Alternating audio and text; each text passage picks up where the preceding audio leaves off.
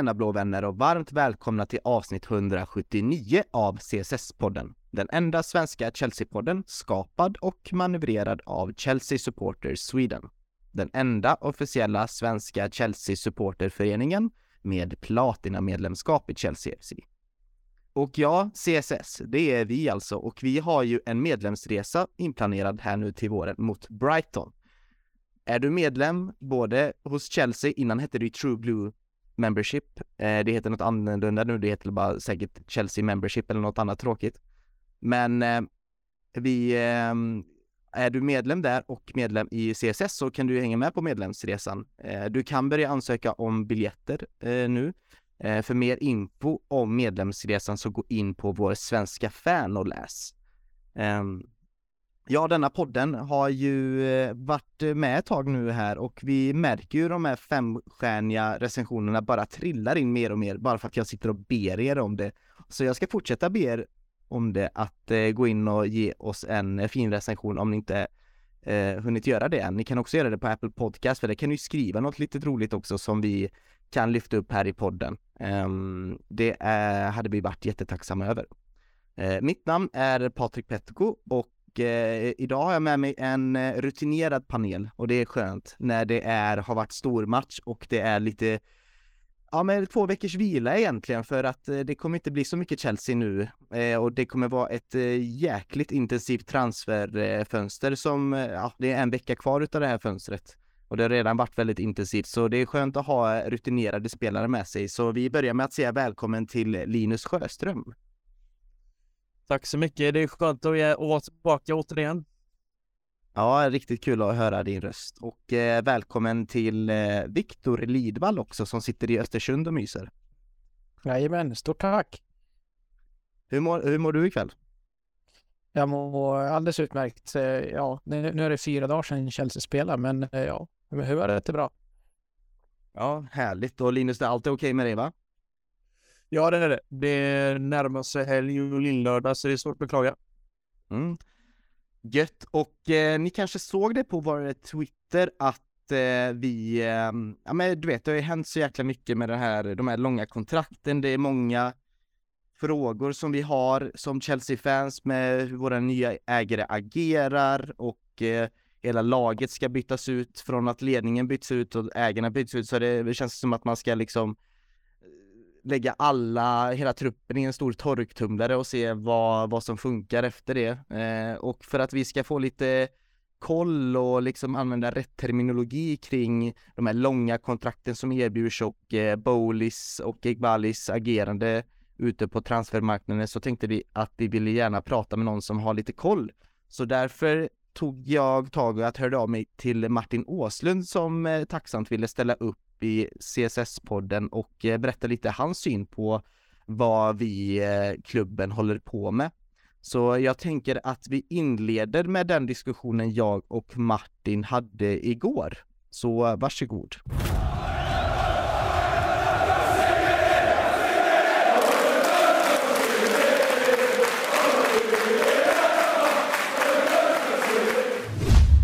Då säger vi välkommen till Martin Åslund, före detta elitfotbollsspelare som eh, spelade bland annat i AIK och i Salernitana. Martin har även eh, representerat landslaget.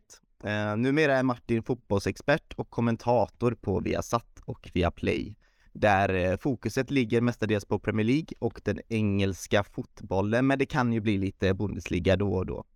Eh, Martin dyker även upp i panelen på det populära webb-tv-programmet Eurotalk som har europeisk toppfotboll som fokus. Martin har ett öga och en förmåga att prata om fotboll ur en ekonomisk synvinkel, en synvinkel som ger en väldigt dynamisk debatt och ger mer krydda i det konservativa fotbollstyckandet runt om i Sverige. Jättekul att ha dig här Martin, välkommen! Tack, kul att få vara med! Ja, kul. Det är jätteroligt att du vill vara med och kanske slakta Chelsea eller hylla Chelsea. Det ska bli kul att höra vad du ha, har att säga. Men detta är ju en Chelsea-podd som sagt och anledningen till varför jag kände att du skulle passa som gäst i dagens avsnitt är på grund av att jag ändå märkt att du har uttryckt någon slags ja, men nyfikenhet och kanske entusiasm. Jag risk att jag överdriver, men kring det Chelsea håller på med just nu och det är ju självklart min subjektiva känsla, men visst har klubbens eh, agerande väckt en del eh, tankar hos dig? Absolut, eh, det är många tankar. Ehm, jag är ju generellt sett eh, positiv till eh, satsningar som görs. Jag har lite svårt att förstå att det ska vara som kritik till att folk vill investera pengar i fotboll av så många skäl. Och är man väldigt, väldigt konservativ så borde man ändå liksom uppskatta att eh, pengar som investeras i fotbollen har en väldigt tydlig trickle down effekt. Så att, och Chelsea nu köper spelare för, inte gud vet hur mycket pengar det blir i det här fönstret. Så kommer det i slutändan också leda till att eh, ungdomsledare nere på planer i Stockholm tjänar mer pengar. Och vi kan ha fler utbildade resurser som jobbar med fotboll. Så att för mig är, är, är det positivt. Sen är man ju nyfiken på Chelsea av många skäl. Jag tycker att det är lite spretigt det de håller på med. Jag ser inte riktigt linjen i allt de köper. Eh, jag är också väldigt, väldigt spänd på hur de ska liksom få det här att liera med de eh, liksom, eh, övervakningsorgan som finns när det gäller ekonomisk uthållighet. Jag gillar inte de reglerna kring det. Jag tycker de är, är, är cementerar liksom ordningen för evigt och att de är gjorda för att ägare ska tjäna pengar. Men eh, det här är ju spännande just därför, för att de utmanar ju det på ett sätt som, så vitt jag kan bedöma, så utmanar de det här på ett sätt som ja, men kommer förändra marknaden för evigt. Och det interna liksom skämtet bland Chelsea-supportrar just nu, det är liksom att vi har ju förstört fotbollen sedan 2003. Eh, många fotbollstyckare och profiler menar på att Chelsea i och med den nya ledningens agerande fortsätter med det. Eh, alltså förstör Chelsea fotbollen tycker du? Nu visar du ändå att eh, du gillar det, det som sker, men kan du förstå ja, den andra sidan med? Ja, men, eh, det, det är så här, det här är en evig diskussion, men till exempel som jag och Erik Niva alltid har, där Erik säger alltid att det borde införas lönetak och, och liksom regler för allting och sådär. Och jag bara, ja, visst, okej, okay. berätta hur det ska ske då. Ska vi sätta lönetak efter Premier Leagues intäkter eller ska vi sätta det på allsvenskans intäkter eller ska vi sätta, vad ska vi sätta, och det har han ju inget svar på. För som alla förstår som är någorlunda normalbegåvade inom ekonomi så är det ogörbart. Och mm. dessutom så visar ju all historisk erfarenhet av den typen av överreglering leder till extrem korruption och extrem, alltså det finns inget positivt med det och det tycker jag historien visat sig i alla länder som har försökt införa sådana grejer. Och hade det funnits ett sätt, jag är ju, jag, vi vill ju samma sak, jag vill ha en tävlingsbalans. Jag vill att alla lag ska ha möjlighet att vinna. Som det är nu med den här väldigt, väldigt eh, socialistiska vänsteröverregleringen som finns på fotbollen, så har vi egentligen cementerat, vi, vi vet ju vilka lag som kommer att konkurrera i Premier League, eller i toppen av Champions League de närmsta tio åren, toppen av Premier League de närmsta tio åren. Och, och, faktum är ju det som folk, folk jag, jag, brukar liksom tycka att det är lite roligt att folk var så extremt emot superligan. Fast vi har ju en superliga. Liksom, förstår folk inte det? Den är ju ännu mer reglerad. För att i Premier League får du inte spela om du är Barcelona. Jag säger inte att Barcelona ska spela där, men förstår du? En del av kritiken mot, Absolut. mot, mot superligan som föreslogs av eh, Perez och, och, och av och, och kompani var ju att äh, men det kan ju inte alla vara med i. Jo, fast det är ännu färre ska med den rådande superligan. Så det här, det, det, här går inte, det funkar inte. Som det är nu, som, som fotbollsvärlden är reglerad nu, så funkar det inte.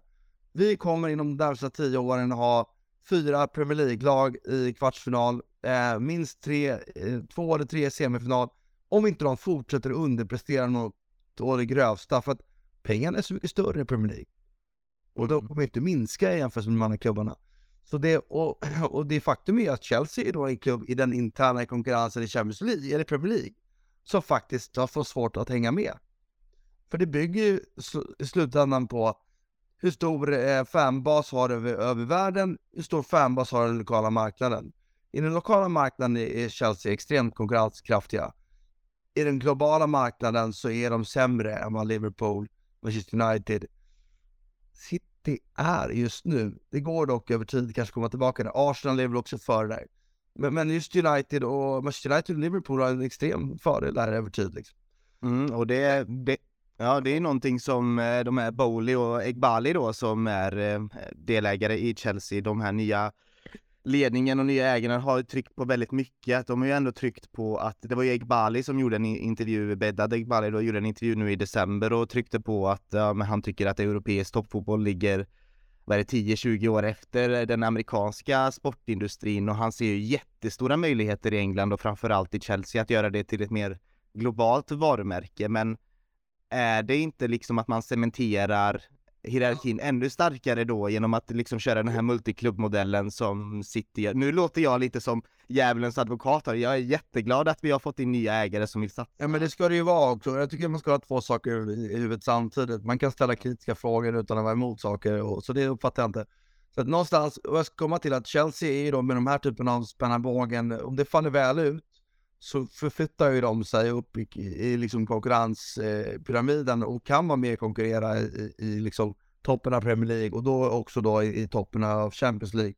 Medan i Champions League då, vilket då folk liksom, jag tror att kritiken mot superligan i, i Italien och Spanien, den är inte alls vad den är i, i liksom i rigida Tyskland eller i England och, eller i Sverige för den delen, som liksom har accepterat sig. I Sverige har vi fansen accepterat vår roll och tycker att det fungerar ändå. Liksom.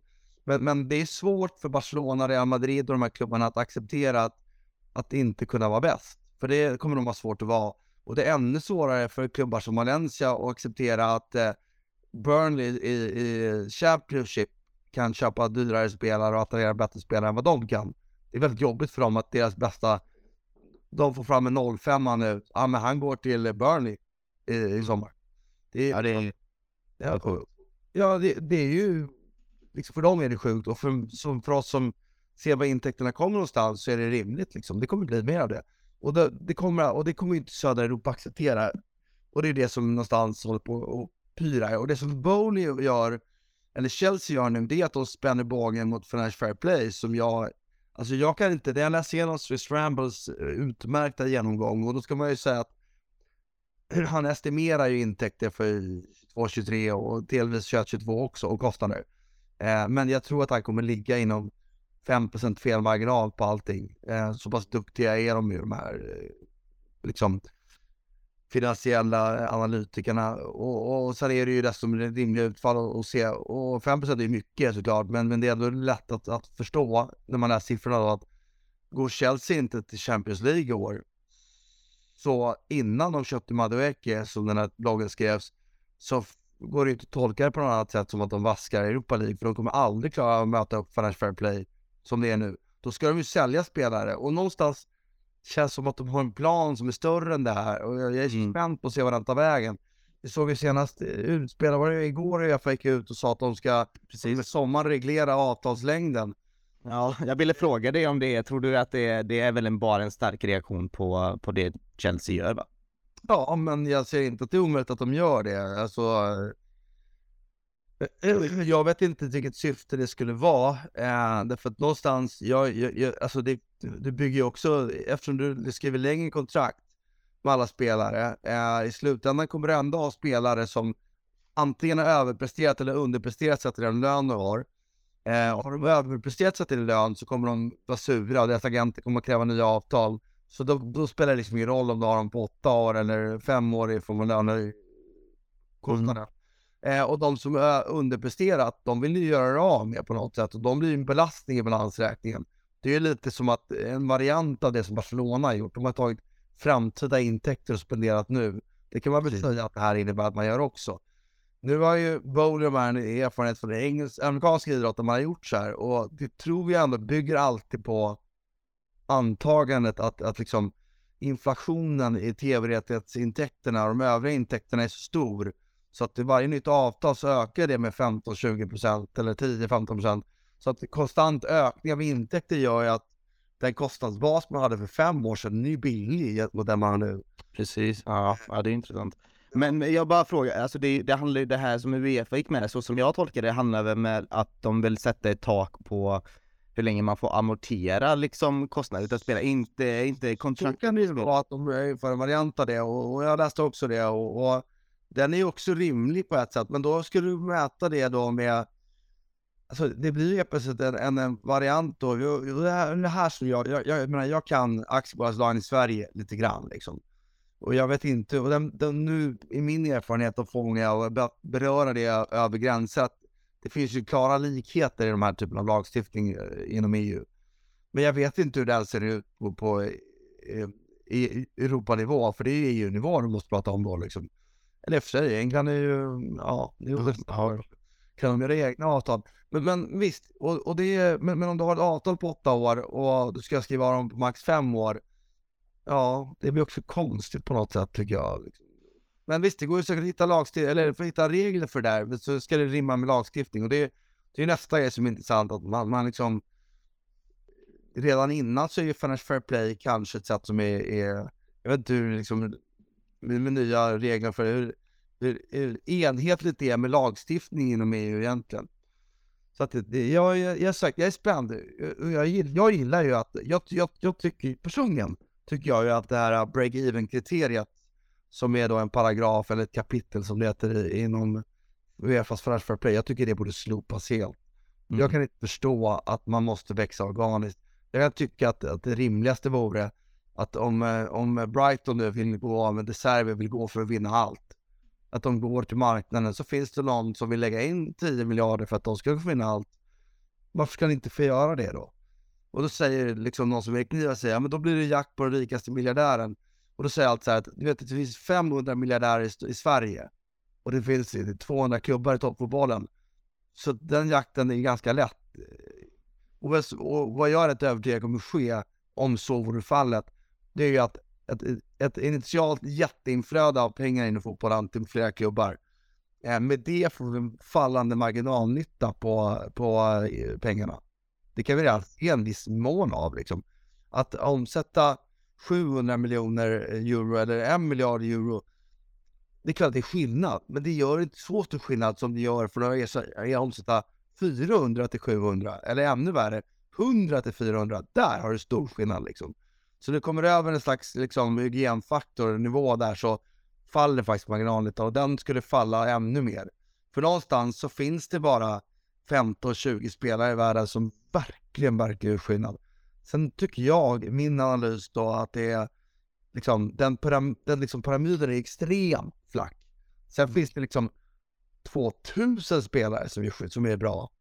Och då handlar det mer om vilken tränare du har och får ut dem. Vilket är supertydligt att Brighton kan rucka med, med Potter nu med, med Serbi fast de har en kostnadsbas som är extremt mycket lägre. Ja, för att om du tar bort de här bästa, bästa spelarna så är det många som är jävligt, jävligt bra. Då handlar det mer om hur du använder dem.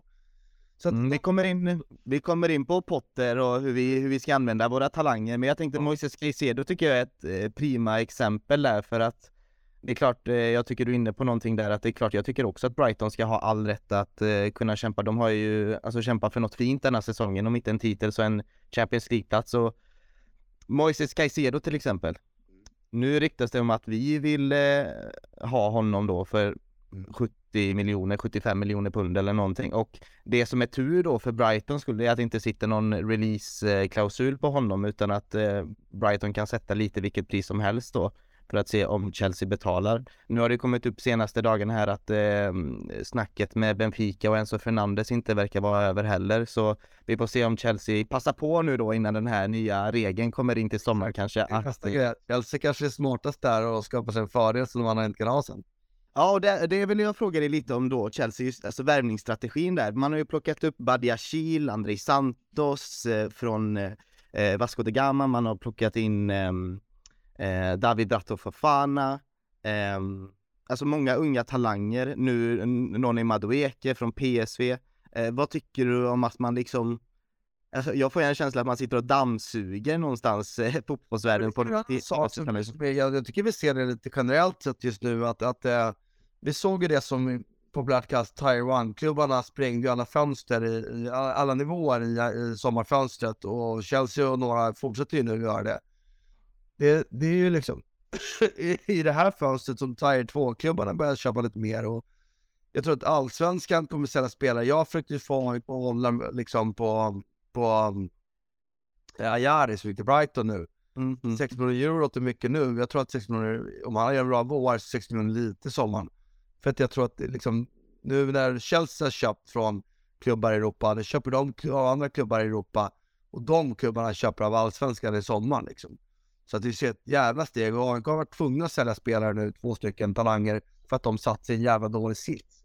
Det hade hållit dem ett år så kanske man hade fått 50 miljoner kronor mer liksom. Mm. Eh, bara för att de har liksom, så någonstans så, så, så ökar ju liksom intäkterna och det, det som jag upplever att Chelsea, det som är Chelseas stora fördel, det är att man har en del spelare som är säljbara som står till noll i balansräkningen.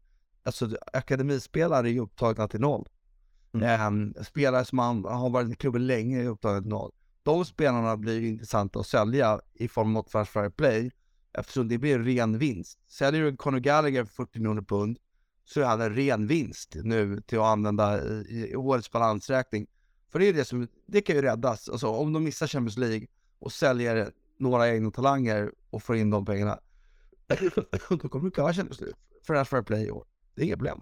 Säljer du däremot en spelare som Ziyech eller Mount som är köpta. Nu är Mount varit där tre år bara. Så att han, om han köpt 40 miljoner pund och säljs för 40 miljoner pund så står han i balansräkningen till 10 miljoner pund efter det här året. Då är det en vinst på 30 miljoner pund. Mount har eh, alltid tillhört Chelsea. Han var bara på lån på Derby, i Derby. Så han är Chelsea Akademi-spelare. Ja, jag menade Pulisic, jag menade det. Förlåt. Ja, ja. Ja, ja. Jag menade Pulisic, jag menade Ziyech. De två som du pratade om. Mount ska väl förhoppningsvis säljas. Men det är väl risken. Vilket är det ja. att det blir väldigt lönsamt mot Financial Fair Play att sälja egna produkter. Nu tror jag att Mount är en av de som får säljas. Men Gallagher är definitivt de. Loftus Cheek är en annan liksom, som nu man tänker spelare. Men tillbaka till din fråga var ju så här, varför dammsuger? Jo, det gör de ju. För att vad händer om du tar in spelare, skriver långa avtal som är på en prisnivå som du räknar med är lägre än vad det kommer vara om två år? Jo, det är att du har fått en, antingen har du fått spelare som är, är säljbara.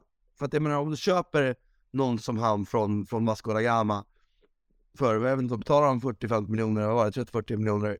Ja, nästan 25-28 någonting. Ja, okay, men så, och han har en jävla exponentiell utveckling. Då har ett, fått en spelare som till, i balansräkningen är mycket billigare än man presterar. Två, ja men du kan faktiskt sälja honom och göra en jävla vinst på det i böckerna. Som gör, på nytt utrymme att göra det. För Chelseas del är det väl troligare att de försöker ha spelare som är billiga i balansräkningen och sälja dem, för de vill ju tävla och vinna. Men pratar klubbar som är lite längre ner så är det ju så de gör. Det är därför de köper nu mycket billiga spelare. Billiga, vet, köpa en spelare från Sverige för 60-600 euro. Men det är billigt för Brighton. De försöker plocka upp spelare, utveckla dem och så har man säljbara spelare som man kan göra bra vinster på, både i böckerna och när det gäller likviditet. För det håller man isär. En, en försäljning på Conor Gallagher är både i böckerna och i likviditet. Medan en, en, någon spelare som då är avskriven, inte är avskriven så är det bara likviditet man får in. Ja, men jag tycker det är lite smart. Sen kan mm. döma liksom hur bra den här Van Afron är, är från... Eh, nej, Molde. Ja, nej. Ja. Men, eh, men, men, en spelare som har ändå visat lite eh, de här två matcherna, det är ändå Badiashil som tycker har gjort det två ganska. Men han har ju spelat också på högsta nivå. Ja. Men det här, jättebra pris, 35 miljoner. Alltså jag, jag, det är ju skitbra och det, jag tror han kommer vara en riktigt fin mittback för oss i, i många år framöver. Och det är det som är så kul att det är verkligen många år framöver, för de sitter ju på de här 7-8 års kontrakten som vi berörde lite tidigare och Alltså vad finns, vad är liksom de, vad skulle du, skulle vilja dela upp det som de starkaste fördelarna och nackdelarna med att sitta med en spelare på, på så långa kontrakt? Ja men precis, alltså de ekonomiska fördelarna har du ändå, tycker jag, lyft upp här med just eh, spelarmässigt och i truppen och i laget. Om du tänker i ett fotbollsplan, du har ändå varit elitfotbollsspelare och vet lite den sidan av... Jag tycker man ska gå tillbaka lite till, till ja, vi kan börja svara på den frågan. Så, så det är klart att nyckeln blir ju då att du har en bra tränare. För det tycker jag också är väldigt tydligt nu. Var, varför, gör, varför är vissa lag bättre än andra? Vi har pratat om att det är en fallande marginalnytta på spelare. Du vet, köpa spelare för 1 miljard, 800 miljoner, eller 700 miljoner, till med 500 miljoner, eller Badiashil. Det kanske inte är pengarna där som är den avgörande faktorn, utan då är det faktiskt den struktur den spelaren ska in i. Eh, och den strukturen ju, skapas ju delvis av klubben såklart, men framför allt gör det av tränaren man får inte underskatta tränarens betydelse och jag skulle hävda då att vi lever i en tid, under de år jag aktivt har följt fotboll och, och liksom varit mogen nog att förstå saker så har vi en tid där tränaren betyder mer än någonsin tycker jag. Jag tycker det är genomgående så på de lag som lyckas just nu. De har tränare som får ut mycket av spelarna. Eh, och där är ju då frågan då, för det blir nyckeln i det här fallet då, att har, om Potter visar sig vara en tränare som får ut väldigt mycket av spelare som köps in billigt på långa kontrakt och får chans att spela i samma lag med den kontinuitet det innebär att spela med samma spelare över tid, eller många samma spelare över tid. Det är ju, ger ju en konkurrensfördel. Det börjar ju inte om liksom säsong tre då med att bygga nytt lag. Du har ju en struktur som fungerar, som är bra. Och det är mycket, mycket lättare om du har en fungerande struktur att köpa in andra spelare och addera saker. Så det är det man vinner på det sportsligt. Mm. Men jag återgår till den största vinsten är ju det ekonomiska. Har du köpt någon som, som eh, han från Mascarama och en avskrivning för honom är ja, men 5 miljoner euro per år, han visar sig vara en toppspelare i Premier League. Ja, då är den avskrivningen, eh, eller 5 miljoner pund per år. Det är ju mm. då är den, då kostnaden för honom väldigt billig.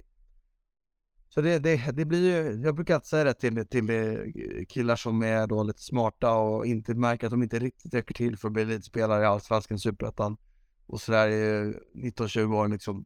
För jag har pratat med en hel del sådana spelare genom åren, eller killar. Eller tjejer i framtiden för den delen också.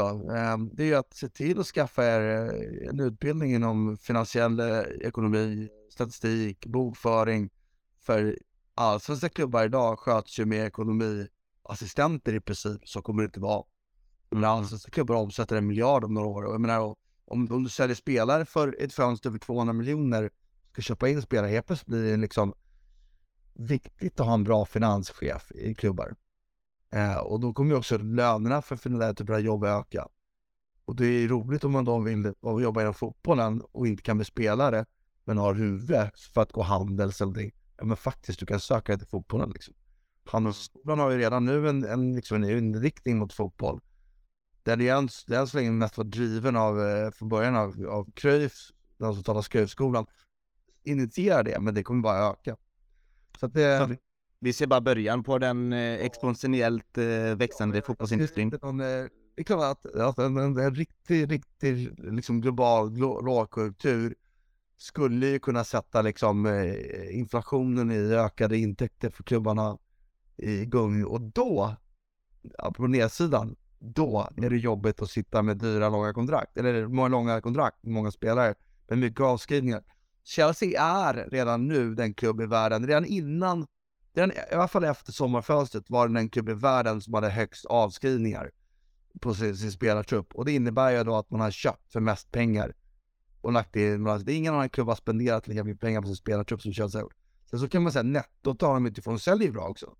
Netto har de inte spenderat mest, men brutto som att, liksom läggs upp i balansräkningen och skrivas av är Chelsea etta på världen och det har ju inte minskat med det här fönstret.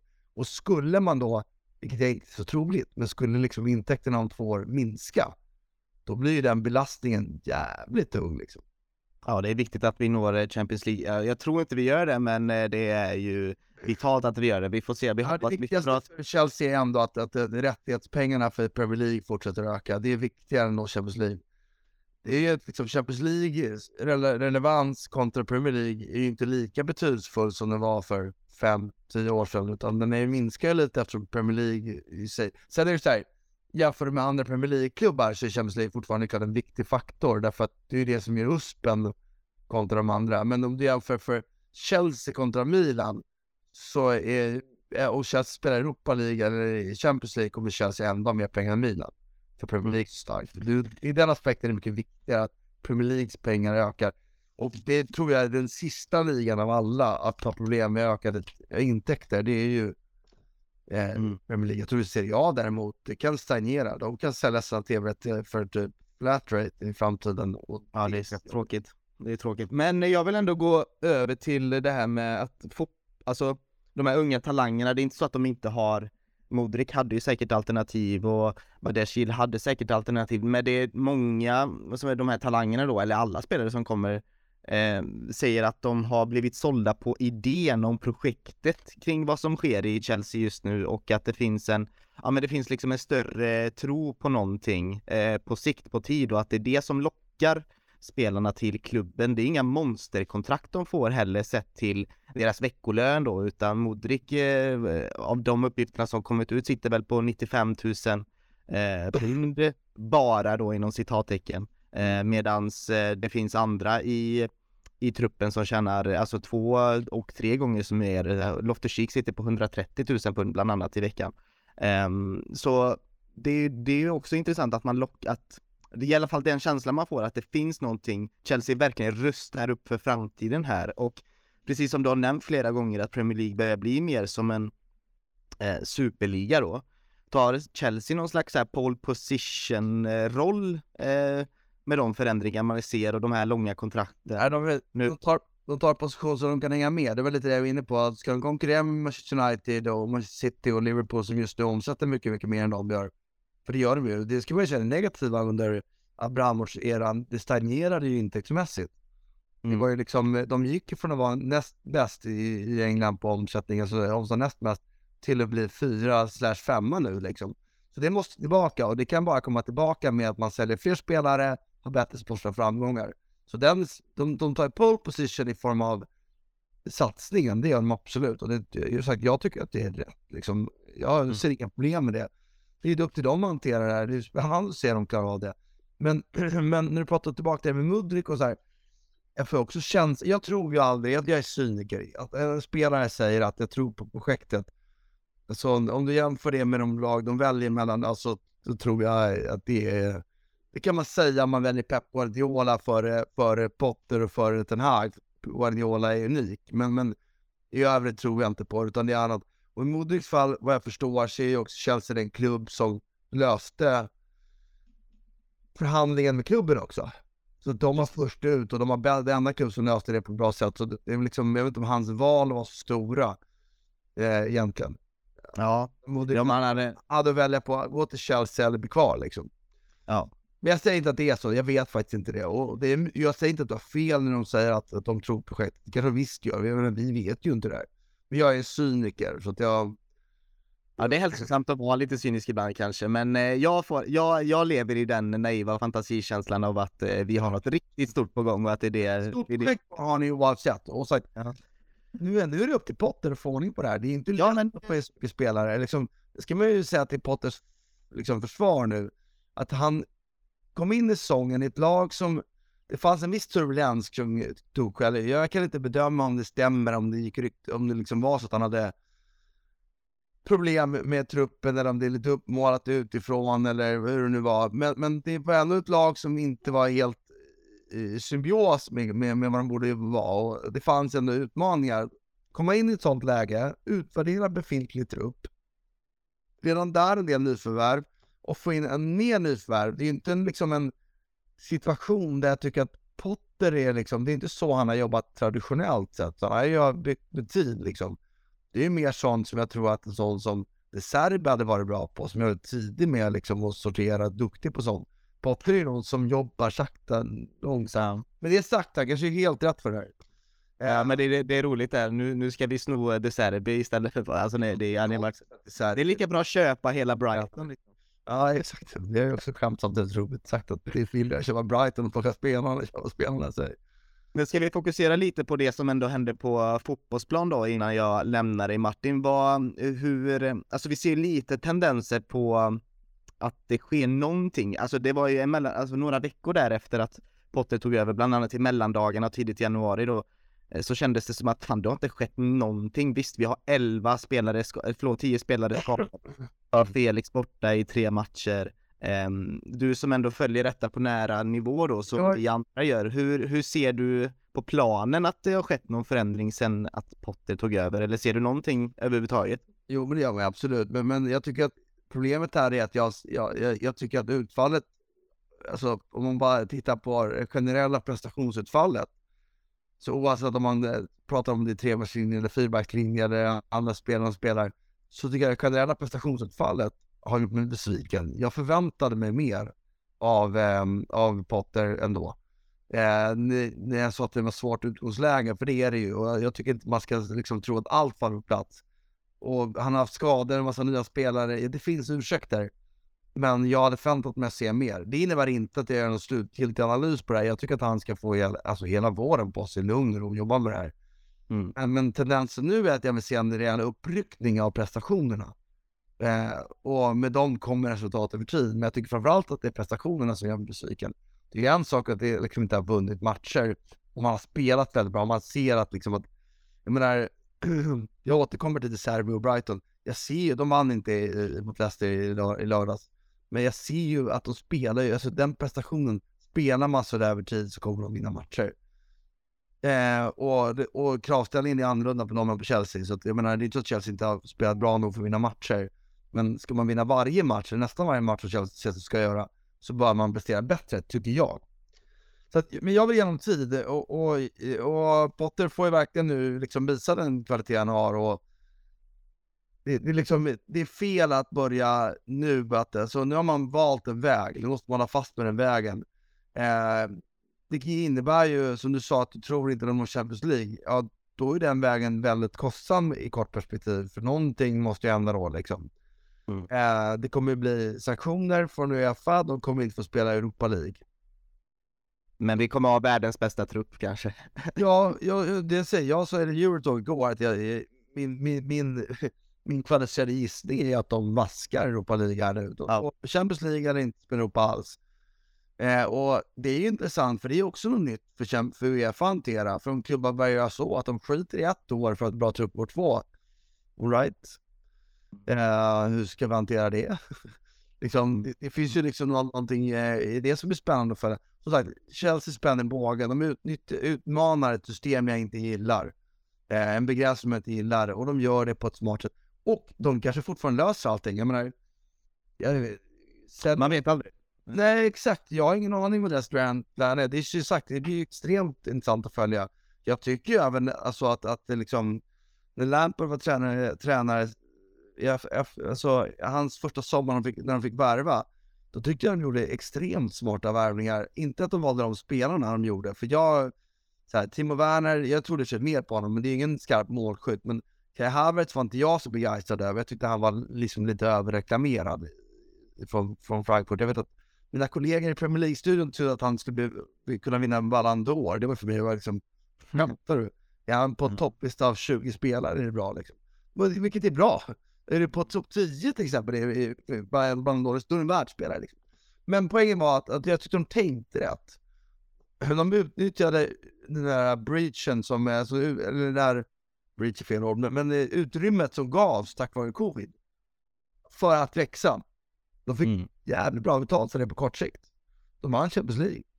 Eh, men de har inte, Lampard var fel tränare och det blev inte rätt med Tuchel så de står nu i en situation där de var tvungna att spänna bågen igen och det har de gjort väldigt smart. Eh, men de måste ju få effekt på det. Men vi pratar världsspelare och då känner jag att efter att ha sett de här 30 eh, minuterna utav Mihailo Modric mot Liverpool känner jag äntligen har vi en eh, spelare som en backlinje är ja, men lite rädd för. Ja. Du förstår, alltså ha lite respekt för. Jag, jag har inte känt av det sen vi, sen vi hade Eden Hazard i, i laget. Ja, men och, och så, så, så bra lirar han väl inte, tänker jag. Men jag tycker också att Jean Felix, jag, jag tror Jean Felix är bättre, men det är vad jag tror.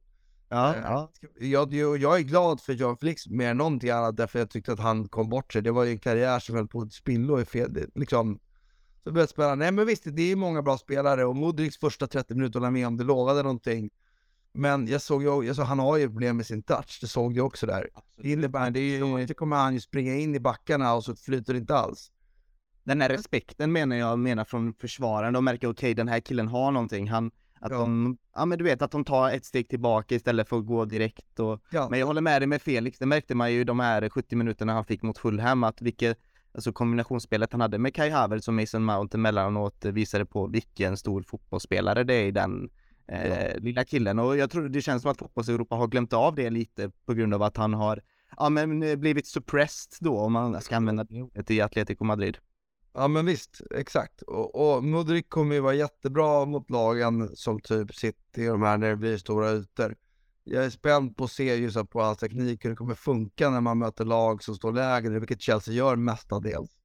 Mm. Uh, jag menar, det är ju bara att konstatera vad Grealish är svårt när det blir mindre ytor. Alltså det blir ju svårt för de här spelarna som inte är suveränt tekniska små ytor när det blir uh, lag som står lågt. Men, men visst, ja, det, är, det är spännande. Det är många spelare som är jättespännande i Chelsea nu och det är ju så här, det är nästan som man tycker, hur fan ska de kunna utvärdera alla de här spelarna liksom under våren? Med så, med, det är nästan som att matcherna är få. När tog många el igen? Jag tror på rätt. Och många glömmer ju av att en Kunku kommer ju anlända till sommaren också. Så Och han var Vilket- jävligt bra tycker jag i Leipzig, men ja. Nej, det är spännande som sagt och det tyder ju på att det kommer ställas ur. Jag tror ju att eh, både Loftus-Cheek, Gallagher och några av de här andra egna talangerna säljs. Och det finns köpare av de spelarna. De får 20, 30, 40 miljoner pund för dem. Det är ju så Mm. sjukt. De får ju liksom bra betalt för dem. De kan köpa Badr Shield för samma pengar som de kan ha i många år till. Och, och det är tråkigt så tillvida att egna talanger säljs, men, men det är väl så det måste bli kanske. Ja, innan jag släpper det, Martin sa det, vi pratar om Skötberg-Varg-spelarna och det som, det namnet som har dykt upp kanske mestadels hos oss internt, både internationellt och bland oss svenska Chelsea-fans, det är ju frågan om Mason Mount. Vi berörde ju honom lite att Ja, vad, han kommer nog väl inte sticka, det, det var ju din övertygelse där, men Liverpool, Liverpool har ändå visat något slags intresse här nu då, att man kanske kommer gå för honom till sommaren. Och vi vet inte hur mycket sanning det ligger i de ryktena, men han är ju upp för att prata om kontrakt nu här snart.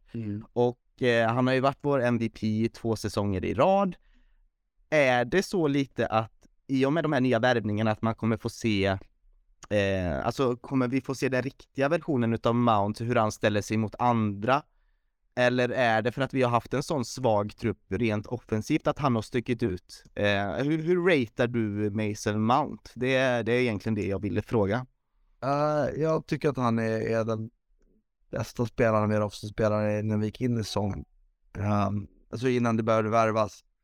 Det är mest för att jag gillar den typen av spelare som kan kombinera och röra sig fart och eh, desto mer poäng. Men så finns det ju, tycker jag, en frågeställning att göra med hans eh, liksom eh, nivå. Den, jag tycker han är lite för ojämn.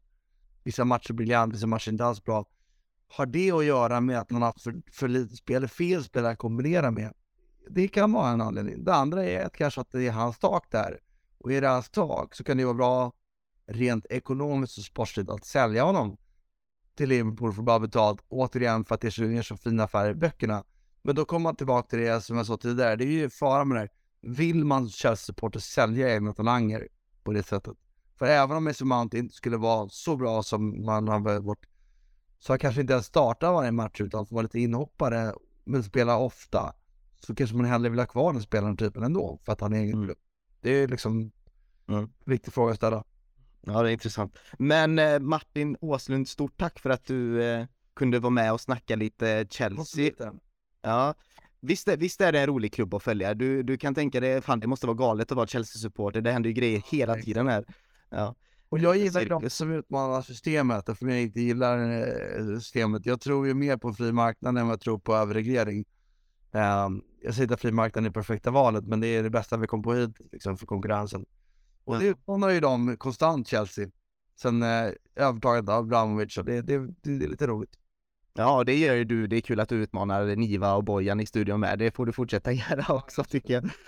jag köper så här, jag, vi vill ju samma sak, jag, Niva och Bojan och, och så här, men jag, jag tycker de eh, lever i, i någon slags låtsasverksamhet, verklighet där man kan tro att man kan gå in och bestämma att alla ska ha samma förutsättningar eh, centralt.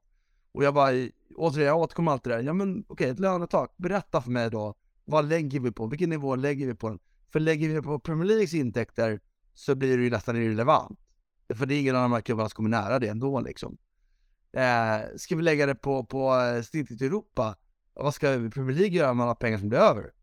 Alltså, tror man på regleringen, ja då ska ju egentligen ska ju då alla klubb, alla ligor i Europa ska betala in pengar till Uefa så att man, alla klubbar kan få ungefär lika mycket pengar. Ja, ja visst, det vore väl roligt. Är det, är är, liksom, vilken verklighet lever man i om man tror att det ska kunna ske liksom? Det innebär ju då att alla klubbar i England i princip ska skänka 300 miljoner pund av sin omsättning till Uefa för att det ska, eller ännu mer, 4 miljoner pund av sin omsättning för att det ska omsatt, för att det ska fördelas i resten av Europa. Låter det rimligt? Ja, det hade varit kul att höra dig och Gary Neville snacka om detta faktiskt. Det, Ja. det varit, För det, det, det, det är så orimligt, det går ju inte. Det enda sättet att få en, en tävlingskonkurrens på riktigt, det är ju att låta alla klubbar jobba som företag gör. Jag återkommer alltid till det här, för det är så lätt för alla att förstå. ja men jag håller med, det, det öppna marknaden, låta det vara, varför ska de ha någon särbehandling fotbollsklubbar? Eh, Det är bara min åsikt, sen kanske ni som Det är bara lyssnar för att tycker ägare ska tjäna pengar och för att man ska cementera ordningen i, i, i tävlingen. Jag förstår att, att även Chelsea stöder den biten av det. För fatta jobbet för Chelsea om det kommer in en ägare, tio ägare i Premier League och har miljarder under dem och, så, och helt plötsligt konkurrerar de där. Jävlar, då är det plötsligt jävligt tufft liksom. Men, men det är ju, och, och jag säger det, initialt skulle det bli jätteinflöde av pengar om man släpper marknaden fri. Det skulle bli jättejobbigt, det skulle bli några stökiga år. Men sen skulle marginalnyttan falla med det där och så skulle vi ha en tävlingskonkurrens på, på riktigt. Den liksom, och det menar jag så här, det innebär ju inte att Barcelona aldrig mer kommer vinna. De kommer vinna flest gånger. Men det är ju roligt om man då Almeria har en teoretisk chans att tävla, tycker jag. Men Mm. man får tycka olika också.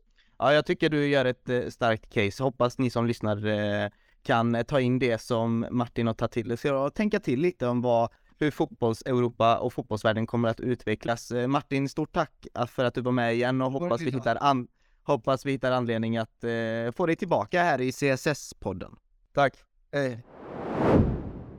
Ja, där fick vi höra Martins eh, tankar, eh, Viktor, och han hade en hel del tankar och eh, ja, med funderingar kring hur vi agerar. Han, eh, han lyfter ju upp en del, vad ska man säga, negativa konsekvenser av vårt agerande, men han tycker ändå, han verkar ändå gilla det som ägarna håller på med. Ja, precis. Så på vår sajt och så kallade eh, Olle Lange förtjänstfullt det här ett kryphål då, som Chelsea har med just det att man skriver de här väldigt långa kontrakten som just eh, England inte har några gränser för hur långt man får, får skriva. Eh, men ett kryphål skulle inte jag vilja kalla det utan eh, det är ju helt enkelt att utnyttja det regelverk som finns till sin fördel. Eh, och jag kan väl dela lite grann den frustration som Martin uttrycker att eh, ja, Uefa har gjort ett regelverk som klubbarna behöver förhålla sig till och så ser man en nödvändighet att förändra det. Eh, jag vet inte vad det är som är så konstigt med det sätt Chelsea agerar på. Men det verkar ju ha blivit en katalysator om man ska tro rapporten från The Times att Uefa kommer skruva på det här igen. Mm, vi ska se vilka konsekvenser vårt agerande får, för det, det är väl lite som någon eh, eh, founding member som det heter fint i våran CSS-poddgrupp på Facebook skrev någon gång, nu minns jag inte namnet exakt, eh, jag ber om ursäkt, eh, men det var att Chelsea är inte, det är inte första gången vi bryter mark eller bryter trender. Vi var ju tidigt med att få in ehm, spelare från utlandet. Vi var först med att få in en oligark eh, som tog över eh, fotbolls-Europa och nu är vi först med att sätta en ny trend, eh, Linus, ute i fotbolls-Europa och det är ju att sätta unga talanger på ja, med långa kontrakt och eh, ja, men liksom bygga upp ett projekt och ett lag eh, på detta sättet. Det är ju någonting som fotbollsvärlden inte riktigt har skådat innan. Ja, och jag håller med dig. Och ett exempel från säsongen nu som vi fått lite försmak av detta sättet att arbeta efter, det är Chukwuemeka som jag tycker tar stora steg och så kommer från Villa och har gjort det jävligt bra på den tiden när han har fått spela tycker jag. Och sen tycker jag att Uefas agerande att ändra regelverket eh, kan man nästan dra en parallell till Ingemar Stenmark när han var så otroligt överlägsen i, i skidor liksom. Och de fick ändra regelverket tack vare att han var så överlägsen. Så att Uefa är nog ett hot gentemot att Chelsea agerar och verkligen vill visa sig vara ett stor, storlag på marknaden. Så vi har varit ett bra tag nu. Så jag tror också att de känner av det här att Bowley, han, vill hitta på saker med den här klubben och eh, vi måste nog sätta ner foten här innan han tar över och som sagt det här kryphålet, att utnyttja det till fullo, för det har han ju redan gjort tycker jag. Och sen ska vi inte gå händelsen i förväg heller. Det är ju inget som är bekräftat från Uefas håll än. Men det, det är ju eh, rapport till eh, The Times som, som ligger till grund för de här diskussionerna. Alltså någonting jag älskar med detta, alltså någonting, det är ju att det här hatet mot Chelsea verkar komma tillbaka och det blir, det är som att hela världen mot eh, Chelsea igen och det var, jag identifierade mig väldigt mycket med det när jag, ja men växte upp och var liten och började hålla på Chelsea, att det är kul att vara den här, det här lilla svarta fåret, kanske för att jag själv var det i min familj då, men jag kunde väl identifiera mig med den känslan väldigt starkt och att nu hela världen liksom pekar ut Chelsea som den största boven, alltså jag, jag sitter ju bara och njuter av det. Ja, och jag tycker det är så gött att vi ligger liksom tia i ligan som många har skrivit på Twitter och så är folk så jävla arga på oss. Så det gör ju så man njuter ännu mer av det här att Fasen det är inte en lugn dag att följa Chelsea. Jag menar, är det inte transferrykte så är det ju Uefa som vill stoppa oss och jag menar, ja, även om det inte spelas några matcher så har ju den här månaden varit otroligt underhållande trots att vi suger när vi väl spelar matcher. Så ja, den här säsongen har det varit upp och ner, men utanför planen så har det ju varit underhållande på allra högsta nivå skulle jag säga. Ja, det kan man eh, lugnt eh, säga. Och vi glömde ju säga där i början av podden att vi ska självklart prata ner eh, stormatchen mot Liverpool också i detta, i denna, detta avsnitt och gå igenom lite transfernyheter. Men jag tycker det räcker för del 1 så vi hoppar in rakt in i del 2 och snackar ner Liverpool.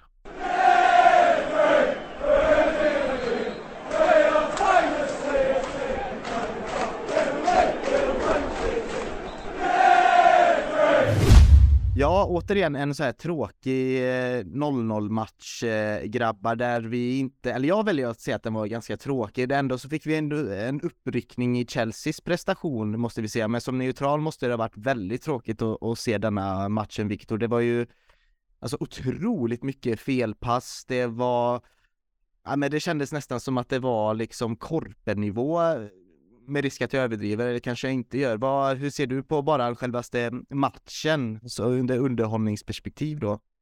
Ja, nej, jag förstår att man kan tycka det är tråkigt om man fokuserar kanske mest på den tekniska kvaliteten och när man förväntar sig två 2000-talets bästa lag i Liverpool och Chelsea som eh, både vinner ligatitlar och Champions League-bucklor eh, så förväntar man väl sig bättre.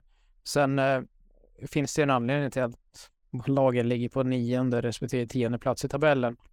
Men jag tyckte det var, ja, i och med de känslor jag investerade i matchen så tyckte jag ändå att det var ett ganska eh, underhållande och händelserik match. Att det är inte jättemånga avslut på mål, men att eh, kring de båda straffområdena så hände det faktiskt saker. Men eh, bollen togs ju inte dit på det mest bildsköna sättet.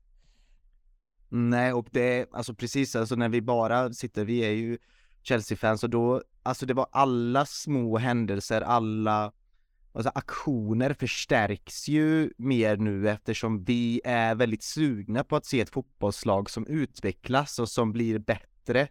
Ehm, så vi har ju luppen på en del spelare lite extra noga.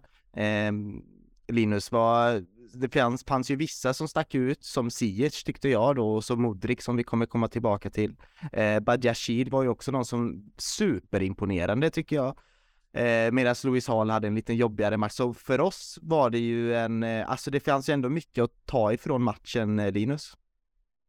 Ja, men det finns det absolut. Jag menar, hade vi fått det 1-0 målet efter offside beslutet som togs så tror jag också att därefter hade vi kunnat nog tagit de här tre poängen. Men eh, ja, det är ju mycket var ju tack vare den här bristande kvaliteten. Eh, passningar, det var dribblingar och även avslut saknades för båda lagen, vilket gjorde att det var eh, det skapades en hel del, men eh, sista slutfinishen fanns ju inte någon av dem och ja, vi kom in på Mydrik sen, men hans läge där han ja, dribblar upp tre gubbar på läktaren och lägger en i nätet vid sidan av gör ju lite också eh, som en symbol för matchen att det, det var inte något av lagen riktigt som skulle få dit målet helt enkelt. Så att ett poäng till vardera lag var ju inte orättvist på något sätt. Jag instämmer verkligen i eh, lovorden kring Ziyech där Patrik och, och det var väl någon slags hybridroll så som Ruben Loftus-Cheek har haft under Thomas Tuchel tidigare. Bara att eh, nu var det en helt annan spelartyp som agera på den positionen. Eh, lite trist eh, åt andra riktningen då att Lewis Hall när han äntligen fick spela in i mitt fält där eh, inte riktigt svarar upp till de redan högt ställda förväntningar man har. Men eh, som sagt, det, det, är tufft att gå in på, på Anfield i den åldern och prestera, eller vad ska jag säga, ta över mittfältet. Ja, och en sak man kan tillägga om Siers tycker jag efter matchen också att de här fasta situationerna och den foten vi får tillgång till, speciellt på hörnorna, tycker jag är otroligt roligt att se. För jag menar, kollar vi på Mount och Korea som också tagit hörnor, det har varit riktigt dålig kvalitet under hela säsongen, vilket gjort att vi har inte gjort så mycket mål. Ett mål jag minns det var mot Tottenham hemma, att Korea gjorde assist, men det har varit väldigt dålig kvalitet på fasta det här året och Ziyech när han får chansen, då tycker jag att det såg nästan farligt ut varje boll och Niklas Holmgren var inne på det kommentatorn där att eh, Liverpool-spelarna var inte med någonting i början där när Ziyech verkligen fick in de här giftiga bollarna bakom. Så att eh, det är en spelare jag kan tycka vi ska fortsätta med. Jag menar, den vänsterfoten, om han får löpa fritt och få sitt spelrum så kommer han nog få ett och annat assist och mål från Ziyech. Ja, Ziyech aktier växer ju också det är ju så tyvärr, alltså det är lite så, fotboll är ju tyvärr, alltså det är ju ett numbers game också i slutändan så Alltså Ziyech aktie växer ju, ju, ju bättre spelare det finns där som kan konvertera chanserna han, eh, han ger med. Och det är också problemet. Hade han suttit där på åtta assist eller nio assist redan denna säsongen så hade supporterbasen förmodligen varit lite snällare mot Ziyech under hösten och och vintern här. Och vi har ju snackat länge om att vi, äh, nu får han dra, nej han visar inget hjärta, nej han är, han är dålig och så, men det är ju, hade de konverterat chanserna som han ändå erbjuder nästan varje match måste man ändå säga. Det är ju alltid någon giftig halvchans eller chans som han eh, ja, men, har möjlighet att assistera till Linus. Så det, allting handlar till slut om att hitta någon som kan få in huvudet där eller komma löpandes på bortre kanten och sätta in en boll liksom. Ja, sen köper jag visst, han slår bort tre, fyra bollar som hamnar i handskarna på målvakten. Men jag menar, femte kan ju oftast vara ett farligt läge där han ger till Kahavets till exempel. För de här bollarna, de är ju verkligen alltid så perfekta. Kommer liksom bakom mittbackarna där löpningen ska vara bättre. För jag menar, jag tycker oftast Ziyech gör bra saker men får ut så lite av sina lagkamrater som inte riktigt kan förvalta hans bra, alltså hans fantastiska vänsterfot. Så den är ju en av de bättre i laget. Det är inget snack om. Det är bara att han inte riktigt fått det att stämma i den blåa tröjan tyvärr. Mm, och lite som vi var inne på ett avsnitt, några avsnitt sen här, att han vågar ju spela fotboll. Han vågar ju sätta de här passningarna och öppna upp försvar och det är ju väldigt viktigt för en offensiv spelare att ja, men våga göra misstag liksom. Det är väl också det som är Graham Potters mantra, eh, Viktor va? Ja, precis. Han gillar att utmana spelares komfortzoner och det kan ju ske med mer och mindre konventionella metoder. Eh, om det är så här eh, konstfack eller balettföreställningar. Eh, så att, eh, ja men det, Ziyech förtjänar ju den, det beröm man får tycker jag och eh, likväl kan man vara av åsikten att man inte behöver ha kvar honom i klubben efter säsongens slut. Det, det går absolut att ha, stå för de två åsikterna samtidigt. Absolut. Någon som eh, alltså imponerar, jag tycker vi kan prata lite mer om Benoit Badiachil som gör ja, en supermatch återigen och det ser ut som att han har spelat i det här laget, eh, ja, men om inte hela säsongen så i några år i alla fall, eh, Viktor. Och jag kan tänka mig hur skönt det är för Benoit Badiachil att ha en, liksom en pappa där jämte sig i namn Thiago Silva. Eh, ja, men känna sig lite lugn och lära han liksom så här gör vi här och jag hörde nog i spelartunneln där redan att de pratade franska med varandra så det är ju, eh, alltså känns ju, det känns ju tryggt och eh, Badiashil ser trygg ut. Precis, som du är inne på så finns det ju en asterisk där. Hur mycket är hans förmåga och hur mycket är Thiago Silva? Alltså pratar man backpar i hockey så brukar man kunna fråga sig ibland, ja, men vilken är det egentligen som driver och vem är det som hjälper vem? Eh, är det en spelare som ska tradas kan den backen göra det på egen hand? Eh, och det har vi sett under hela Silvas karriär i Chelsea, att han verkligen lyfter inte bara sina mittbackspartners utan egentligen precis alla runt omkring honom. Men eh, jag tycker absolut att Bardell han ser ju ståtlig ut alltså. Och han uh, har sånt självförtroende med bollen vid sina fötter och han kliver in när han ska kliva in och han gör det resolut och liksom det är inte så att uh, bollen far som någon uh, vattenspridare uh, runt omkring honom utan det är kontrollerat. Så det är jätteroligt att sätta de där två första matcherna. Linus, är du imponerad?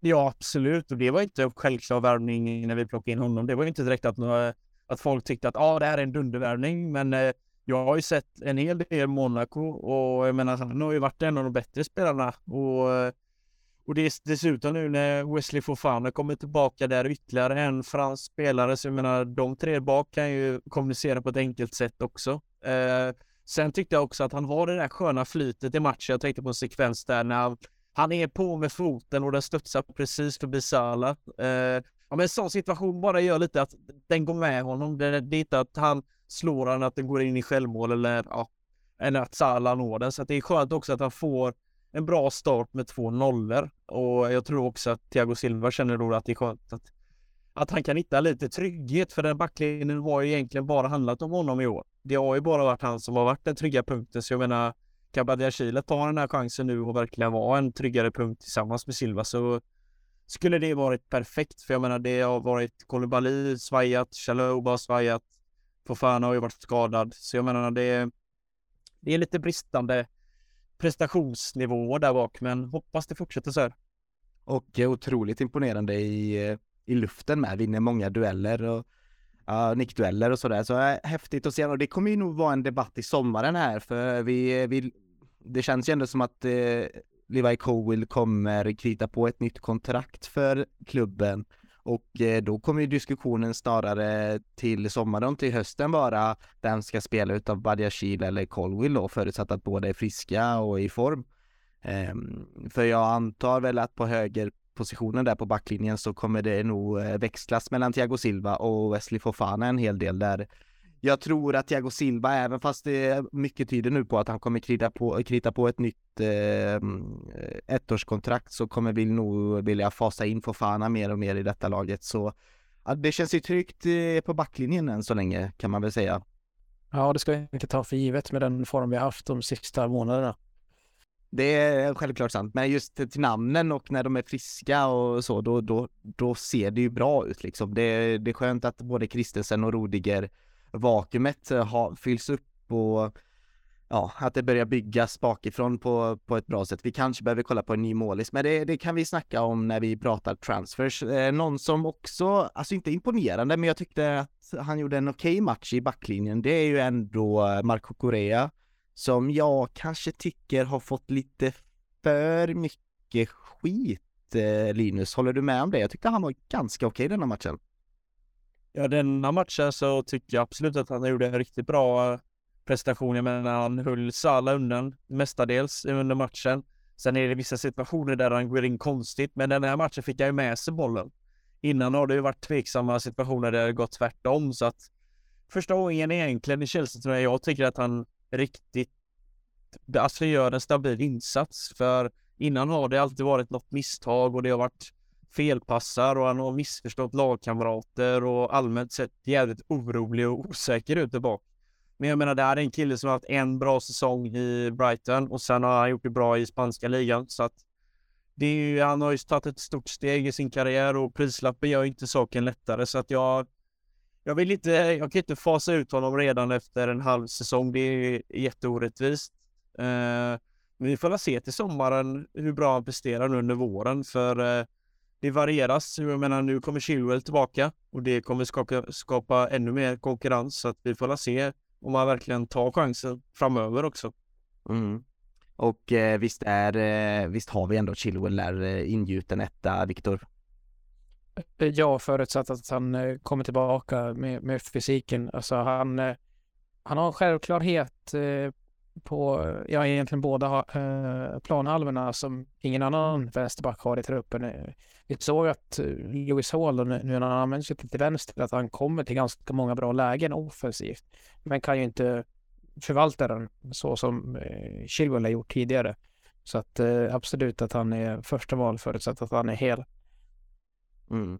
Och eh, jag märkte det nu när jag nämnde våra, våra centrala backar där att fan jag glömde nämna kolibali och det inte så konstigt för, kanske för att han eh, han kanske nog borde vara lite orolig över hur hans eh, framtida blåa karriär eh, kommer att vara eh, eller icke vara.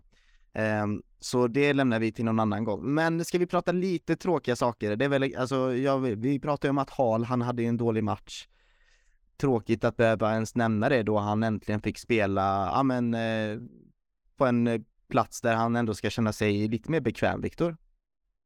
Ja, precis. Eh, och han har väl använts lite väl mycket då kanske tack vare de skador som har varit. Eh, men det visar ju ändå på vilket förtroende Graham Potter har i honom att han eh, fortsätter starta dem och särskilt då borta på, på Anfield. Det, det säger inte lite om vad som gäller. Sen var det ju, kanske hade sett annorlunda ut om inte Kosic fått det här vadproblemet som höll honom borta från, från matchtruppen.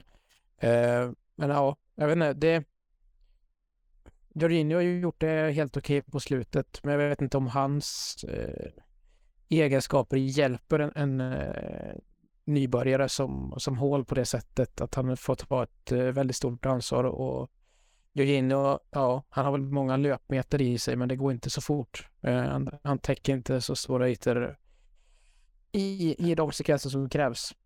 Nej, och det, det jag mest var det var mest att se honom och Mason Mount faktiskt, alltså tappa en hel del boll, mycket felpass, men det var ju det var inte, det var inte Liverpool-spelarna heller, det hade ju mycket kvalitet i sig, men det var mycket felpass från eh, mittfältet, eh, eh, Linus.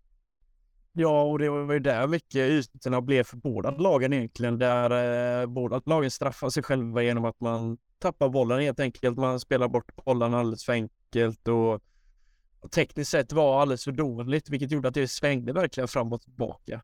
För jag menar, många lägen där Conor Gallagher och eh, Mount egentligen kan spela ut bollen på kanterna för att få lite fart så är det att man vände om istället och man egentligen gjorde svårare än vad det behövdes. Så att det var lite där man skulle känna, man satt och kände där bara fasen backa bandet några år. Jag menar hade vi haft Lampard eller några liknande spelare så hade de sett de här passningarna.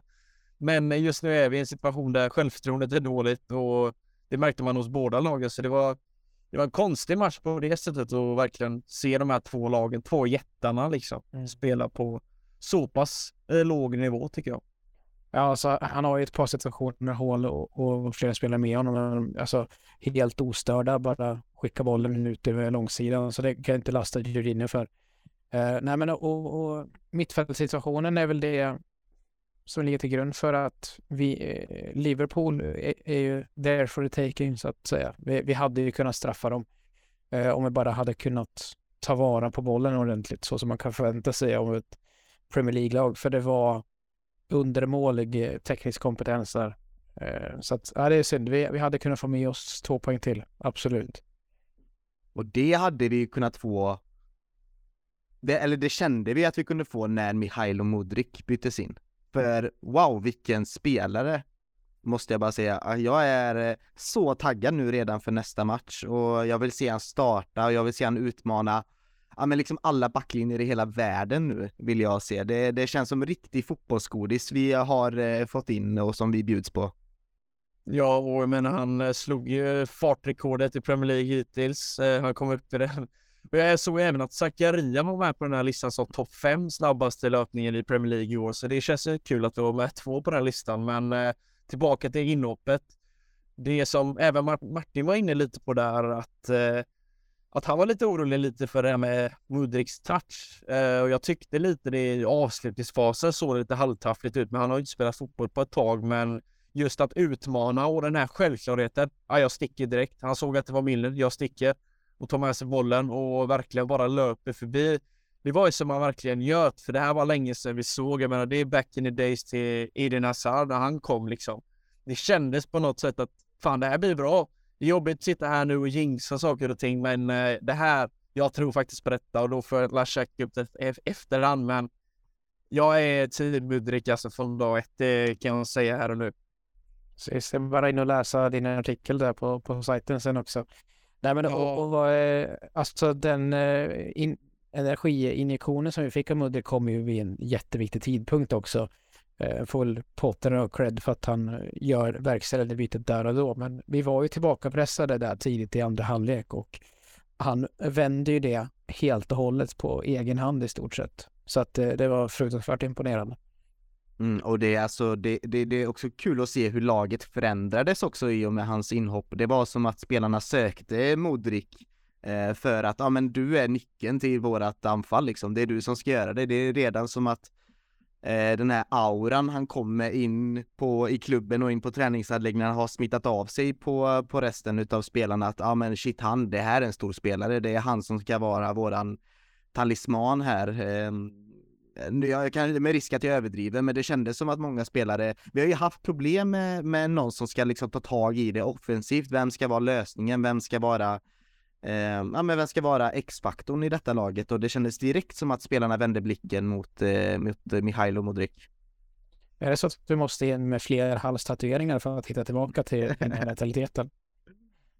Ja, och lite mer TikToks-videos. Eh, det är, för han gillar både att vara på TikTok och Instagram och bara lägga ut konstiga saker. Men det är någonting med den här killen som, eh, han, är, han känns speciell. Det kanske inte var den eh, han känns som han, när han var, gick i skolan så var det inte han som var lugn och tyst i klassrummet. Det var nog han som väsnade och syntes. Och jag menar, vad fan, vi behöver en sån gubbe i det här laget tror jag. Med lite attityd och det känns som att direkt när han kom in så kände spelarna lite chockade. Fan, är en spelare vi kan lägga ut bollen på jämt som är ett hot.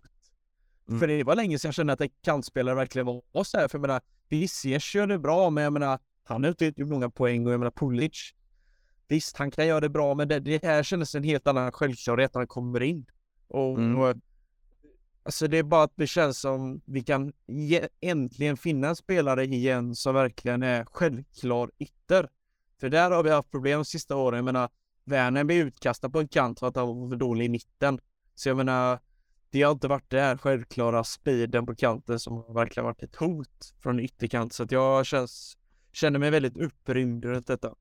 Mm, ja, det jag tror de flesta utav Chelsea-supportrarna känner likadant och kanske en del utav eh, hans spel som jag var lite överraskad av, eller som jag inte visste att han hade i sig, det var väl det här Ja men det här kreativa framspelningen, han har ju även passen i sig, han, han har ju visionen också, det märkte vi, han kunde ju lika väl fått eh, två assist i denna matchen också om Chukwemeka hade haft lite bättre balans kanske, men eh, det, alltså visst han dansade ju alltså han dansade ju runt eh, Liverpools försvar där när han nästan gjorde ett otroligt vackert eh, solomål. Men eh, för mig är det ju visionen och passen som verkligen, eh, alltså jag blir extra excited av för att eh, ja, vi saknat den här kreativa, ja men liksom den som gör det oväntade så att säga. Eh, alla förväntar väl sig att han skulle lägga ut passningen på var det Aspicueta eller Chaloba som var ute på högerkanten, nu minns jag inte eh, vem det var. Ehm, men han lägger den snett tillbaka istället till Chukwemeka. Det var en pass som ingen väntade sig att han skulle eh, lägga Linus. Nej, och sen eh, klackpassen var ju också mumma där när, eh, när han lägger eh, emellan benen där eller om det var sidan av. Det var ju också en sån snygg aktion bara som gör att man tycker att det är, det är något speciellt. För jag menar, bara de här små tendenserna vi fick se på 30 minuter gör ju så att fan hela mitt Twitterflöde exploderar av just bara Mudrik highlights och Gary Neville skrev det. Jag har sett 10 minuter av eh, Mudrik och jag skulle aldrig vilja möta honom. Jag menar, vissa spelare bara har det där och jag menar Liverpool har varit jävligt duktiga på det senaste åren och plocka in spelare som har verkligen sett självnjutna ut i sin startelva. Jag tänker bland annat på Luis Diaz, jag tänker Jota gör på samma sätt. Kan inte också vi lyckas med det här framöver nu att förhoppningsvis om Mydrik går in och gör det bra, att vi verkligen bara får in spelarna på rätt positioner för det är, just nu är det ett pussel att göra upp startelvan till ja, men ett lag som verkligen ska fungera och kanske han kan vara en av de första pusselbitarna som verkligen sitter på plats från start utan några jävla frågetecken för det känns som alltid det är en massa frågetecken kring vilka spelare vi ska starta med. Det känns inte självklart längre. Jag håller med, men eh, Viktor du får det, det sista ordet här på Modric. Vad, vad kan vi förvänta oss och vad, vad tror du det här kommer ge för påverkan på, på laget? Nej, men vi har ju inför den här säsongen har vi lite grann eh, efter, klagat på bristen av naturliga yttrar. Alltså Kalmar Sundoy var egentligen den rikt, enda riktiga ytter i truppen, så som jag ser det, eh, och har ju då inte presterat på den nivå som krävs för att starta varje vecka i, i Chelsea. Eh, men nu har vi fått in Raheem Sterling, vi har fått in Mudrik, fått in Madueke. Eh, det, det kommer ju också från sjukstugan fler lekkamrater för Mudrik att testa på. Så att eh, nej, jag ser med stor tillförsikt på hans framtid i Chelsea och eh, ja, den effekt han kan få på den här säsongen och kommande egentligen. Mm. Ja, och därmed tycker jag vi stänger den här matchen och på ett sätt så, om man tänker efter, alltså en poäng på Anfield. Eh, visst, vi kanske har varit lite hårda här mot båda lagen, men en poäng, eh, det tar jag eh, gärna med mig och det ser ut att, bli ja, men bättre, mer Potterboll så att säga. Och nu får ju Potter äntligen tid med laget att verkligen träna in olika, ja, men lära känna laget ännu mer, sammansvetsa laget, nya spelare har kommit in så mm, det är välbehövliga två veckor för laget som kommer nu innan vi möter Fulham igen. Ja, vi kommer inte se Chelsea på länge nu Viktor hur kommer det sig? Ja, men det är ju första gången då sedan 1998 som vi inte tar oss vidare till fjärde rundan av FA-cupen och därmed så den här veckan är ju avsatt för de speldatumen så då har vi ingenting bättre för oss än att eh, smida på, på Cobham. Eh, utan det är först fredag den 3 februari som det är dags för match för herrlaget igen.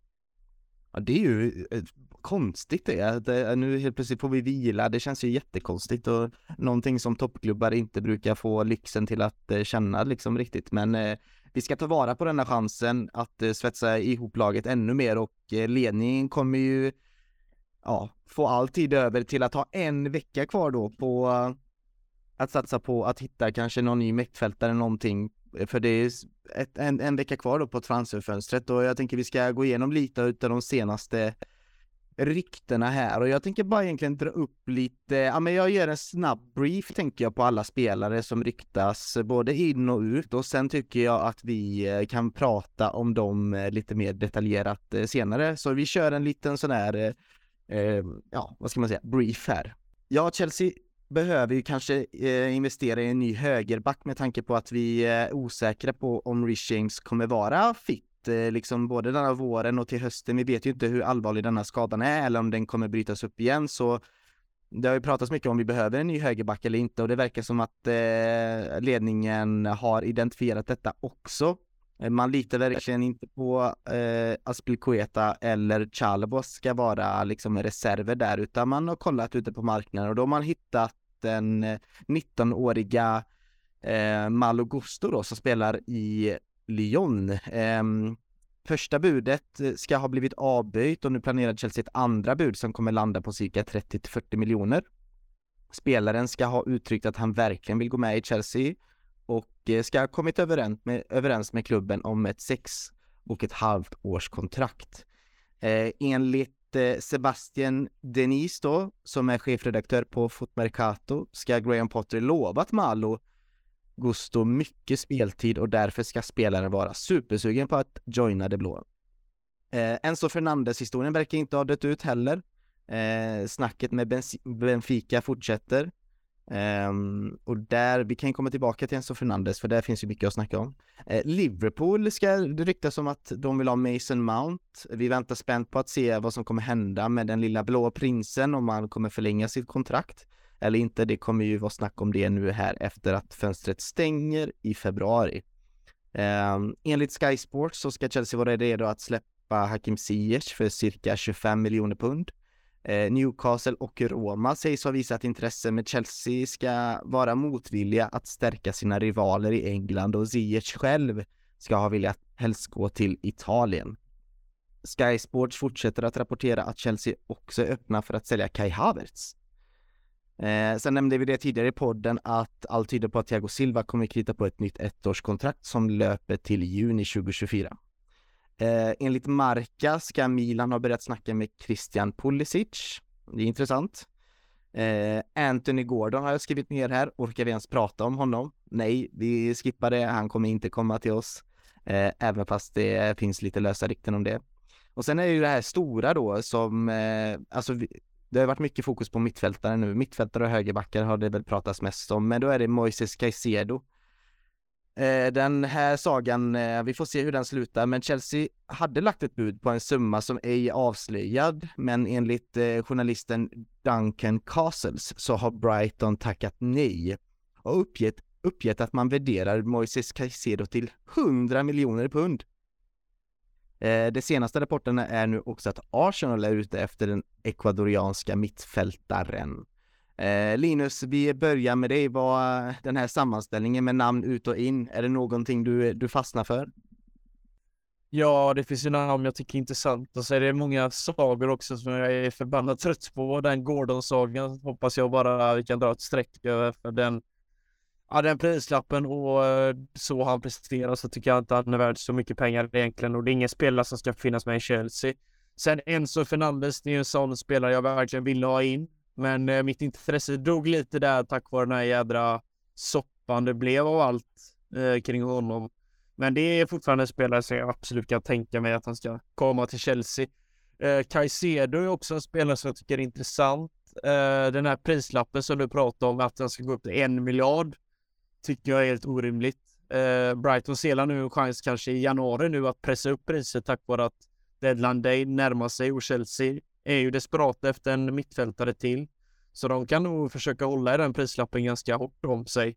Så får vi se om vi kan luckra upp den prislappen, men eh, och även högerbacken från eh, Leon Gusto heter han va?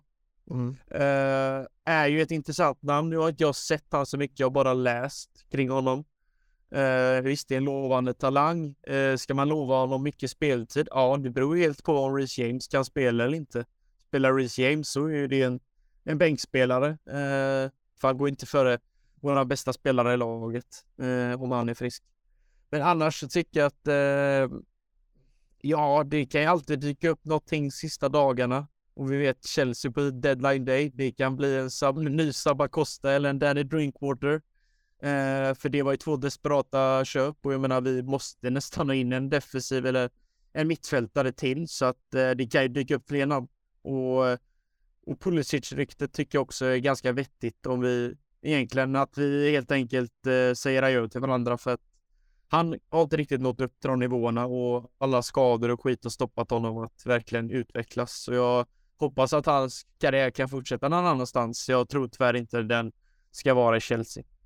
Mm. Av allt det jag har läst nu de senaste dagarna, det som verkar vara mest eh, med tangible och som går att ta på så att säga, det verkar ju vara det här Malo Gusto-ryktet då samt eh, ja, Moises Caicedo kanske då.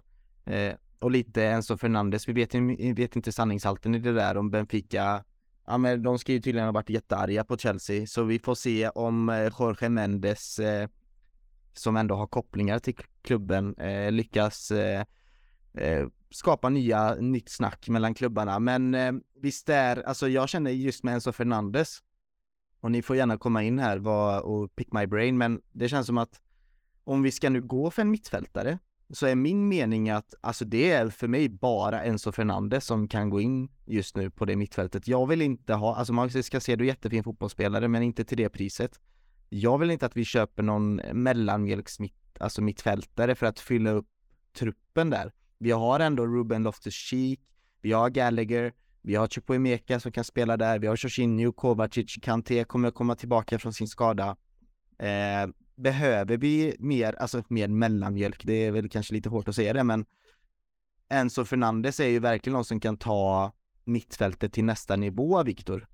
Mm. Ja, jag, jag håller verkligen med att det är lite sånt sportcheferi eh, som har, leder till att vi är i den situation vi är i just nu, att vi har köpt in massa truppspelare, ofta då mellan 25 till 40 miljoner euro, eh, som absolut inte liksom uppgraderar Chelsea tillräckligt för att motivera den sortens investering. Eh, sen håller jag inte med om att Enzo är den enda spelaren kanske som håller den nivån. Och nu har det ju gått lite kallt med Declan Rice och oavsett så tror jag inte han hade gått i ett januarifönster. West Ham hade inte släppt honom.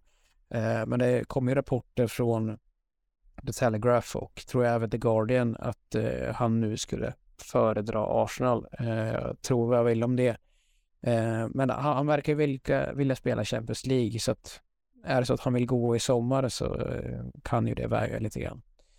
Eh, men nej, absolut. Alltså, ska vi in med fler eh, innermittfältare så ska det ju vara någon som faktiskt eh, gör den positionen till sin. Ja, jag håller med och det är klart att Declan Rice, jag håller med dig det att Declan Rice också är den, men det kändes lite som att det här ryktet med Arsenal är eh, ah, det, jag, jag, känner att det, det, finns en del sanning i det. Om jag ska vara jag är lite rädd att han, eh, att han drar dit. Och sen är jag faktiskt lite rädd att eh, Mason Mount drar till Liverpool. Ja, alltså Rice tycker jag, den där som du säger, det känns rimligt tack vare projektet Arsenal håller på med just nu, att det ser förbannat intressant ut tyvärr för oss. Det gör ju ont för en att se hur bra det går för Arsenal och hur duktiga de är och jag menar Enketia trodde inte jag var en spelare som kunde nå till den nivån han är idag. Så att Arteta har verkligen någonting på gång där och jag menar varför skulle inte Rice hoppa på det tåget egentligen? Trots hans Chelsea-koppling.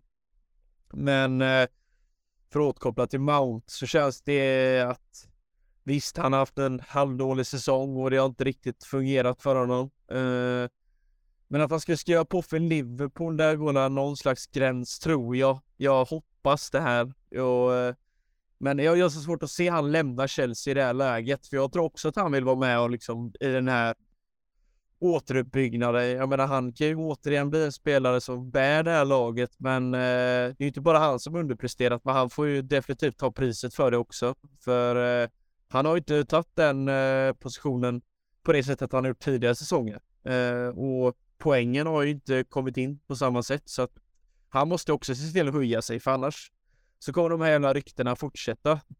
Tror jag.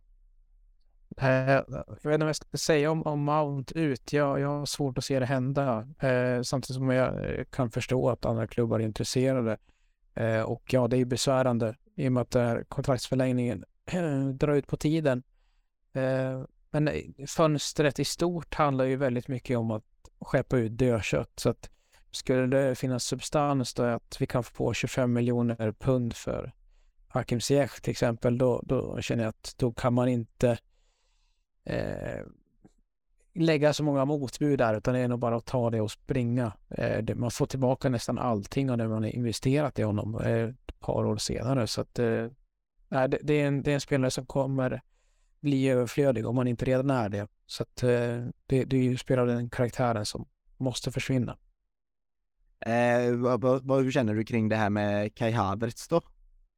Ja, det, det, den är svår alltså. Eh, och, och, där är det också så här.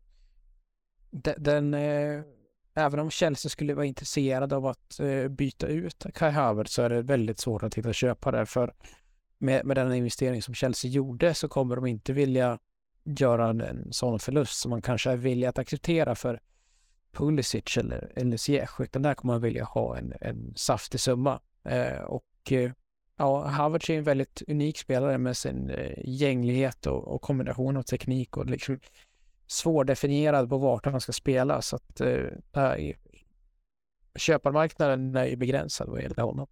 Mm, ena dagen är Bayern München varma, andra dagen är Bayern München kalla verkar det som. Eh, Linus, eh, det verkar som att Kai Havertz har blivit eh, mindre och mindre populär bland supporterbasen ju längre tiden går. Ja, men det är bara för att vi väntar på att han verkligen ska blomma ut och göra poäng varje match, för det gör han inte. Det såg ut som att han skulle få ett mål igen mot Liverpool, där hade han ju varit duktig på Anfield, men nej, offside. Det är lite också offside kan man nästan koppla till hans mm. Chelsea-karriär, för det har varit en hel del offside och målen har inte kommit därefter. Och eh, en sak jag tänker med han var ju liksom att han har köpt sig mycket tid tack vare att ha gjort mål i viktiga stunder. Bland annat en Champions League-final. Eh, Klubblags-VM var han också en frontfigur. Och sen har han gjort de här målen hela tiden som köpt sig mer speltid. Men eh, man ser verkligen att han saknar just slutfinishen. Det är inte en spelare som kommer göra 20 mål varje år. Han gör inte det, han kommer inte lösa det. Men eh, ska man sälja som Viktor säger, ja det ska vara saftig stumma. Men det kan ju inte vara mindre än en halv miljard, men vem just nu vill betala så mycket pengar för Kai Havertz? Mm. Bayern München gillar inte att punga upp stora pengar, så jag tror inte de är så sugna på att verkligen ta en sån stor risk egentligen och spendera så mycket på eh, pengar på Havertz. Mm. Alltså jag, jag är, eh, jag tror eh, inte blint på Kai Havertz men jag tror på honom jättemycket. Jag tror att han gör sig bättre med, eh, ja men smartare och bättre fotbollsspelare runt om honom. Man såg ju det lite stundtals med Joao Felix i matchen mot Fulham att det var riktigt fin kombinationsspel eh, mellan de två och Mount där till också. Så jag menar, skulle vi ställa upp med, säg Modric till vänster, Havertz nia säger vi, Ehm, eller någon falsk nia. Och sen eh, Joao Felix till höger och så har vi Madueke där också. Så alltså då tycker jag att eh, det, det, det skulle kunna verkligen växa fram till någonting bra. För om vi har någon som snor uppmärksamheten som Modric kan bli eh, ja men då, då tror jag att Kai Havertz är på en bättre plats. Jag tror inte han funkar bara som the main man. Och det har vi pratat om flera gånger här i, i i podden. Men det är ändå betryggande, vad ska man säga, eh, att höra att um, um, det är en folk, du var inne på det Viktor, att det är en del spelare som kommer skeppas iväg och man, man planerar ändå på att få iväg dem nu tidigt här nu innan sommaren att ja men liksom det är Pulisic och Hakim Ziyech eh, som, eh, som, som det pratas om, men eh, är det någon mer du ser som helst skulle vilja gå nu till vintern? Eh, ja, jag vet inte. Men det, det, är så här, det är svårt att bara plocka namn i luften när det inte egentligen finns några medierapporter kring det. Eh, jag tror vi är ganska överens om att rapporten om att inte förlänga Jorginhos kontrakt eh, är nog ett smart val. Eh, sen, liksom för en sån spelare så tror jag absolut inte att det finns någon köpare som skulle bjuda det Chelsea skulle kräva så här med halva säsongen kvar. Så att, eh, ja, det finns spelare jag vill ha ut, men det är, det är ingen som jag ser att det skulle kunna bli av egentligen. Nej, precis, det har du helt rätt i. Och Mason Mount, jag håller med er båda där, det ska absolut inte, det skulle varit eh, väldigt tråkigt. Det här påminner mig lite om, ni vet när Gerard eh, ryktades till Chelsea väldigt mycket och han var ju liksom bara någon dag ifrån att signa för oss. Eh, det, jag tror det kommer vara någon liknande omvänd situation nu när Mount kanske leker med tanken att gå till Liverpool och träna för Klopp men att han till slut kommer eh, ja, krita på ett nytt kontrakt eh, som gör honom. Men jag tror vi får inte glömma av att de är människor liksom och att de jämför sig lite med varandra. De tänker på hur mycket de bidrar till klubben. Och nu när vi ser de här långa kontrakten med inte jättehöga löner, alltså inom citattecken då, det är klart att det är höga löner, men Modric sitter ju på sina 95 000 då rapporterade pund i veckan. Loftus-Cheek på 130 000 pund och sen har vi andra spelare som sitter på 270 000 pund i veckan och vissa på 300 000 pund i veckan. Så det, jag tror Mason Mount, jag, jag tror han vill ha en liksom ett kontrakt som ändå visar vad han, eh, ja men lite vad han står i hierarkin i laget. Eh, Viktor, tror du inte att det kan vara, tror du, tror du att det kan vara en sån pengafråga eh, som gör att det dröjer så länge? Absolut att han vill bli skäligen betald. Alltså, jag vet inte, och, och sen är, det finns ju de förväntningarna kanske på akademifostrade spel att de någonstans ska nöja sig med mindre pengar än vad eh, proffs som kommer utifrån får och, och det behöver inte vara rätt, den normen så att säga. Eh, och, och, om Mason Mount är en person eller att han med, med sina rådgivare skulle kunna liksom hålla Chelsea gisslan då över eh, eh en pengafråga, det, det vet jag inte om jag är rätt person att bedöma. Men eh, i mitt huvud så, så är han inte någon som skulle låta det stå i vägen. Eh, det, det, den sortens klubbhjärta tycker jag mig kunna skönja även om det är 2023 och det, det ordet knappt existerar. Mm. Och för att be bevara Chelsea-kulturen någonstans så hade det varit så jäkla gött som Chelsea-supporter att bygga en ny ryggrad eh, runt eh, liksom Colwill, Mount och James i framtiden, Linus? Ja, det är en drömbild och just nu är det ju egentligen bara en spelare som är verkligen självklar när han spelar och det är ju Reece James och alla de här den generationen. För jag menar, många av dem är där borta, Tammy Abraham och Tomori och så vidare. Så att eh, drömmen hade ju verkligen varit att de får vara med och för jag tror tyvärr inte Gallagher kommer hålla en nivå i framtiden i Chelsea som eh, startspelare. Det, det ser jag faktiskt inte. Mm. Och Samuel Rubel of the Sheik. Så det är inte dumt egentligen att försöka skeppa iväg lite spelare nu här i januari innan sommaren. För prislappen lär inte höjas direkt så mycket till sommaren på de här spelarna. Mm.